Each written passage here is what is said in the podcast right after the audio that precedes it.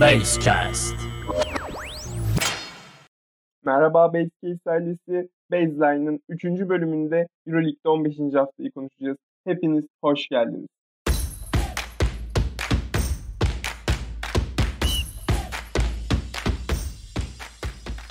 Öncelikle merhabalar. Sizden özür dileyerek başlamak istiyorum. Çünkü yine bölümler arasında bir aksaklık yaşadık. İki hafta program gelmedi. Çift maç haftasının ilkinde gelmedi. Şimdi ikinci haftasında yani çift maç haftasının ikinci maçlarının oynandığı bölümde program geliyor. Çok güzel bir hafta geçirdik 15. hafta olarak. Ben benim çok zevk aldığım maçlar oynandı. Tabii perşembe günü değil. Yani perşembe günü evet Efes Milano maçı çok eğlenceliydi ama diğer iki maç çok da beklentim beklediğim seviyede geçmedi diyeyim. Beklentimin altında kaldı. Hemen Anadolu Efes Olimpia Milano maçlarına maçına daha doğrusu maçlarına ne maçına geçelim. Evet Efes aslında fena bir performans sergilemedi ilk yarıdan bağımsız olarak konuşursak. Yani evet ilk yarıda kötü bir gidiş sergilese de ikinci yarı toparlamasını bildi. 15-0'lık bir seriyle başladı ikinci yarıya. Çok iyi başladı. İkinci yarıda Milano'yu 6 sayıda tuttu. Tebrik edilesi bir şey ama son çeyrekte yenilmekten kendini alıkoyamadı diyelim. Çünkü son çeyrekte hep yeni bir maç başladı. 52-52'den maç tekrar başladı ama Milano kazanmasını bildi. Milano'nun bir sorunu var ama ya Milano bu maçı çok önceden koparabilirdi. Yani Panther iki tane serbest atış kaçırdım. Delaney 4'te 0 attı sanırım son kullandığı 4 serbest atışta. Yani Malcolm Delaney de çok kötüydü. Ona bakarsak yani Milano Barcelona'ya karşı çok kötü bir maç sonu, çok kötü bir dördüncü çeyrek oynayıp kaybetmiş bir takım. Yani evet Barcelona'nın savunması da çok güzel. 19-0'lık bir seri yapabilecek bir takım Milano'ya karşı. Ama Milano'nun da yaptığı çok büyük hatalar vardı o kısımda. Bunu unutmamak gerek. Tabii Efes'teki en büyük sorun bence şu anda oyuncular dinlenemiyor. Yani Ergin Ataman'ın bir şekilde bu rotasyon dengesini iyi ayarlaması gerekiyor. Çünkü olmuyor. Mesela Larkin, Larkin Efes oyununda çok etkili bir adam. Artık bunu hepimiz biliyoruz değil mi? Ama Larkin mutlu değil. Ya adam, bir adam düşünün yani 20 günde 10 tane maça çıktı herhalde. 11 tane maça çıktı 20 günde herhalde. Yani çok büyük büyük var üstünde ve mutlu değil. Yani mutlu olmayan Larkin de sana iyi bir geri dönüş vermiyor. 15 dakika oynatıyorsun Larkin'i mesela. Böyle geri dönüş sağlıyor. Mitz için neyse ki iyi bir performansı vardı. 20 sayı, 8 rebound, 5 asist ve aynı şekilde Bryant Dunston'ın da iyi bir performansı vardı. 11 sayı, 8 rebound, 3 asistlik iyi bir performansı vardı. Neyse ki bu performanslar geldi ve Efes maça tekrar tutundu. Ama yine de bu performanslar maçı kazanmasına yetmedi Efes'in. Milano cephesine geldiğimizde Milano yani genel anlamda iyi bir oyun oynadı. Cidden. Rotasyonu da çok iyi böldü Etteromesina. Tabii Tarçeski'den rezil bir performans geldi. Sahanın en kötüsüydü. Açık ara farklı. Çünkü iki faul ve bir top kaybı dışında istatistik kağıdında hiçbir şey yazamadı. Kyle Hines mükemmel bir oyun oynadı. 30 dakika sahada kaldı. 8 sayı, 7 rebound, 1 asist ama istatistik kağıdına bakmayalım sadece. 3 blok, 1 top çalması da var. Savunmada harika bir enerji sergiledi. Sergio Rodriguez yani alışılmışın dışında diyebileceğimiz bir performans oynadı. Çünkü asisti sayısını geçti. 4 sayı 8 asist Sergio Rodriguez. 20 dakika hemen hemen sahada kaldı ve iyi bir performans vardı. Datome Fenerbahçe'ye acımadığı gibi yani tabii Efes'e de biraz acıdı yani 7 sayıda kaldı. Ee, ama yine ondan da iyi bir performans izledik. Yani Milano'nun mesela oyuncu süresine bakıyorum Milano'daki. Yani 10 kişilik bir rotasyon var Milano'da. Cidden iyi bir dengede.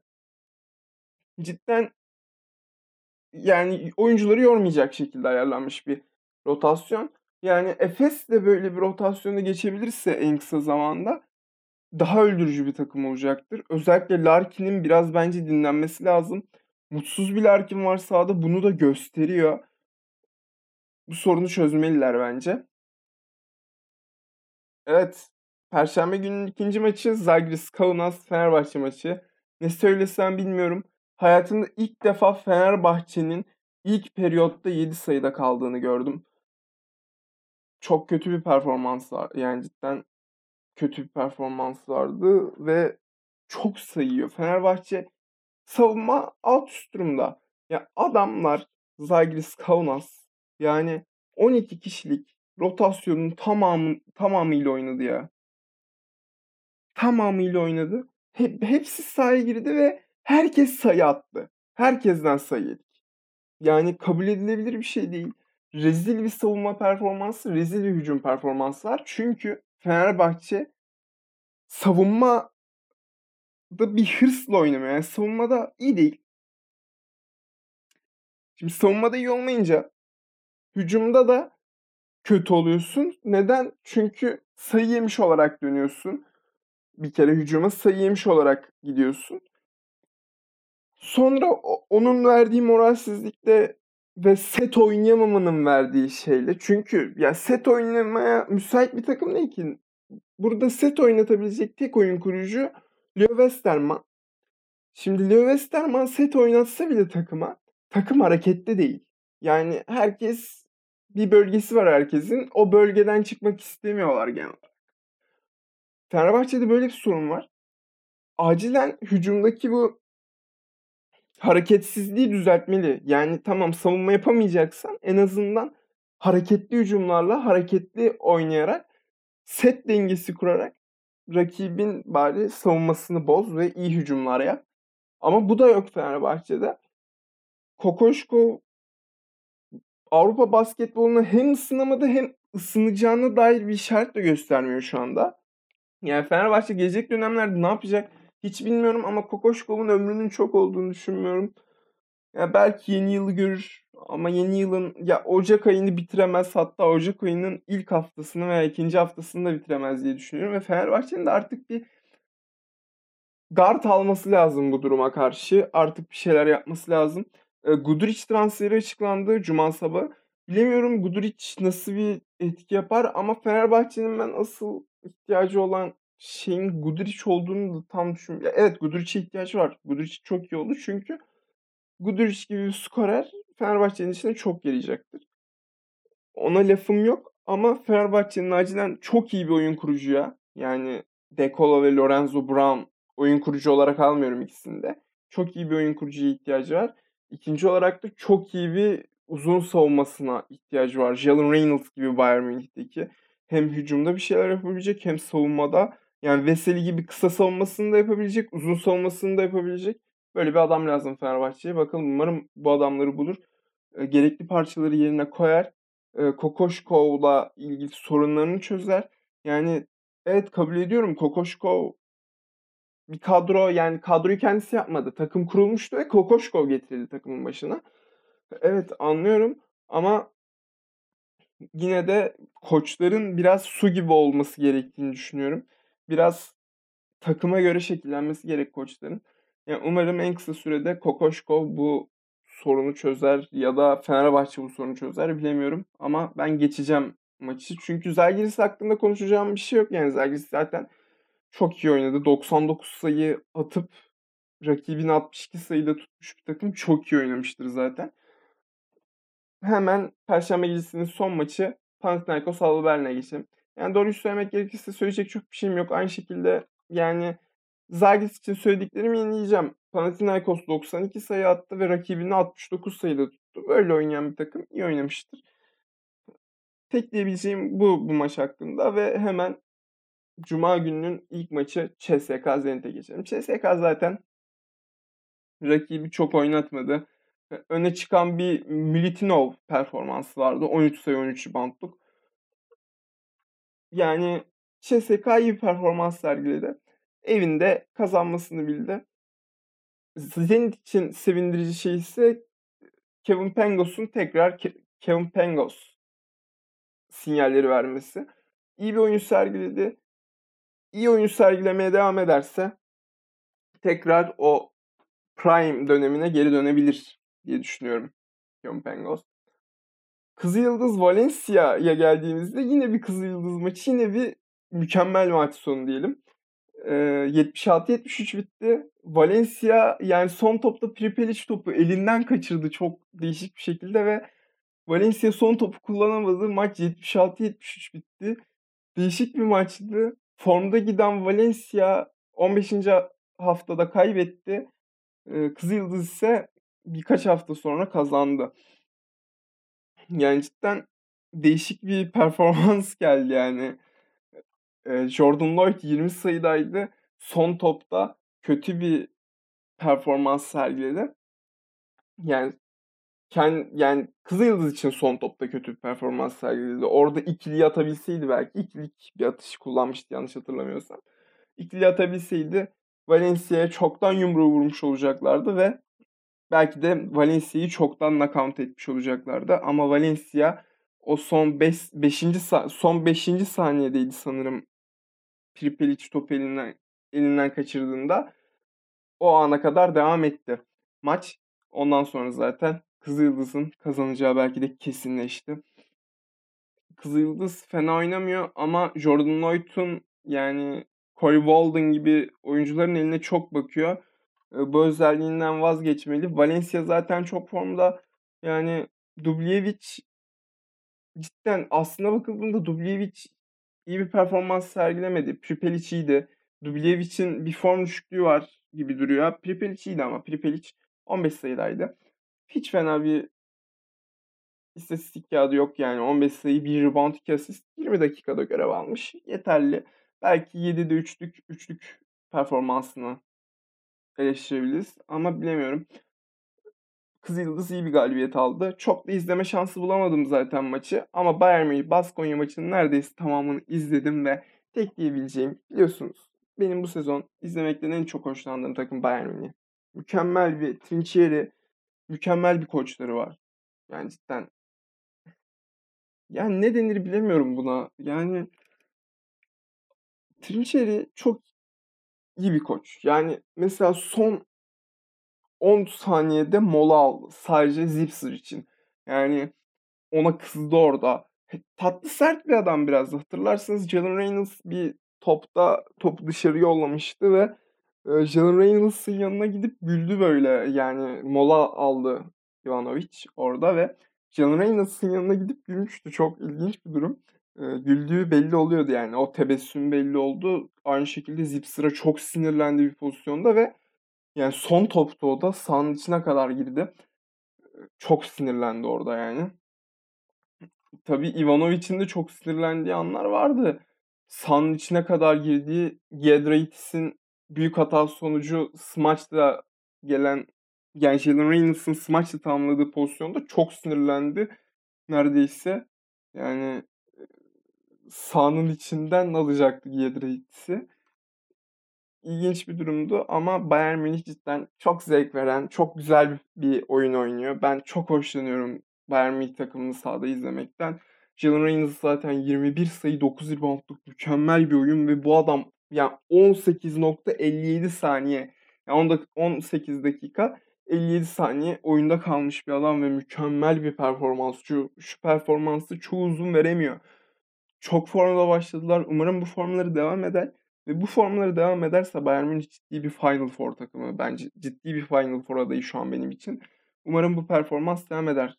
Bayern Münih'in kupayı kazanmasını cidden ben çok isterim. Yani çünkü Fenerbahçe zaten playoff'a kalabilecek gibi çok durmuyor. Efes kalır büyük ihtimalle. Evet şu an ufak bir form düşüklüğü yaşıyorlar ama toparlanacaklardır. Tabii Efes'in kazanması, Efes sergisi ve Bayern Münih'in kazanması çok isterim. Kısacası ben böyle açıklayayım durumu. Baskonya cephesine geçtiğimizde Baskonya'da yani kötü bir oyun vardı. Pierre Henry mesela bence çok kötüydü. Yani 5 sayısı var. 6'da 0-2 sayılık, 3'te 1-3 sayılık yani kötü bir performansı vardı bence. 5 sayı 4 rebound 10 asist.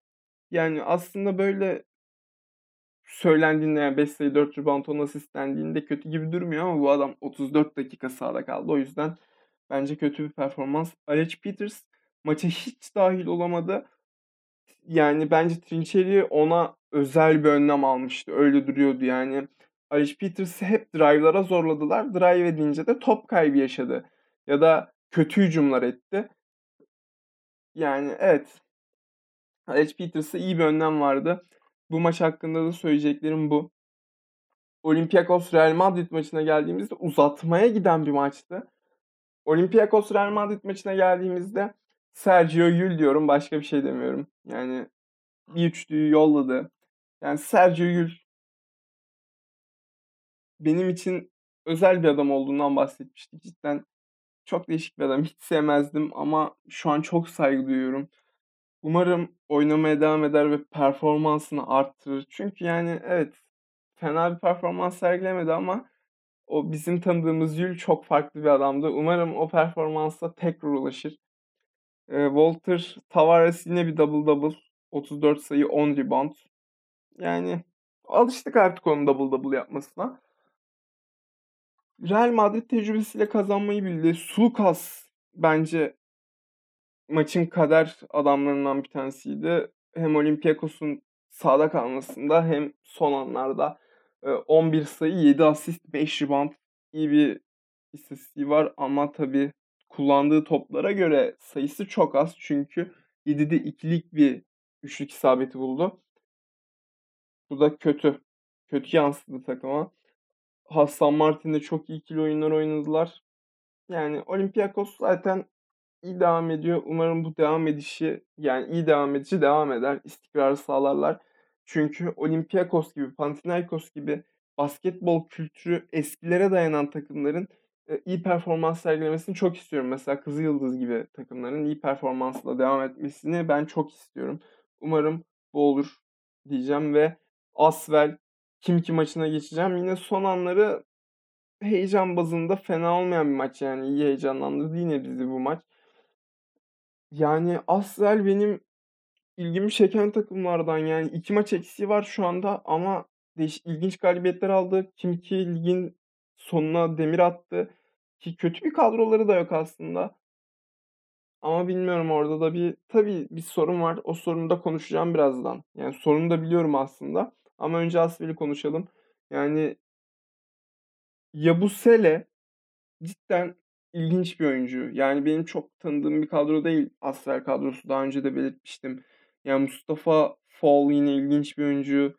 Norris Cole var. NBA'den tanıdığımız. Yani David Lighty var. Yine iyi bir performans sergide benim izlediğim bölümde iyi bir performans sergide en azından. Böyle adamlarla yani ilginç bir Asvel izliyoruz. Cidden iyi bir üçlük performansları var. Yani bu maç özelinde konuşmuyorum ama genelinde yani şu ana kadarki maçların genelinde iyi bir üçlük performans yakaladılar. Bilmiyorum Asvel playoff'u zorlayabilir mi, zorlayamaz mı? Bunu sezon sonu göreceğiz ama hiç fena bir takım değil. Beklediğimin çok üstünde performans sergiliyorlar şu ana kadar. Bunu söyleyebilirim. Kimki cephesine geldiğimizde Kimki'nin sorunu nedir? Hem sorunu hem sorunu hem çözümü yani değişik bir ilişki Şivet ve Kimki arasındaki ilişki.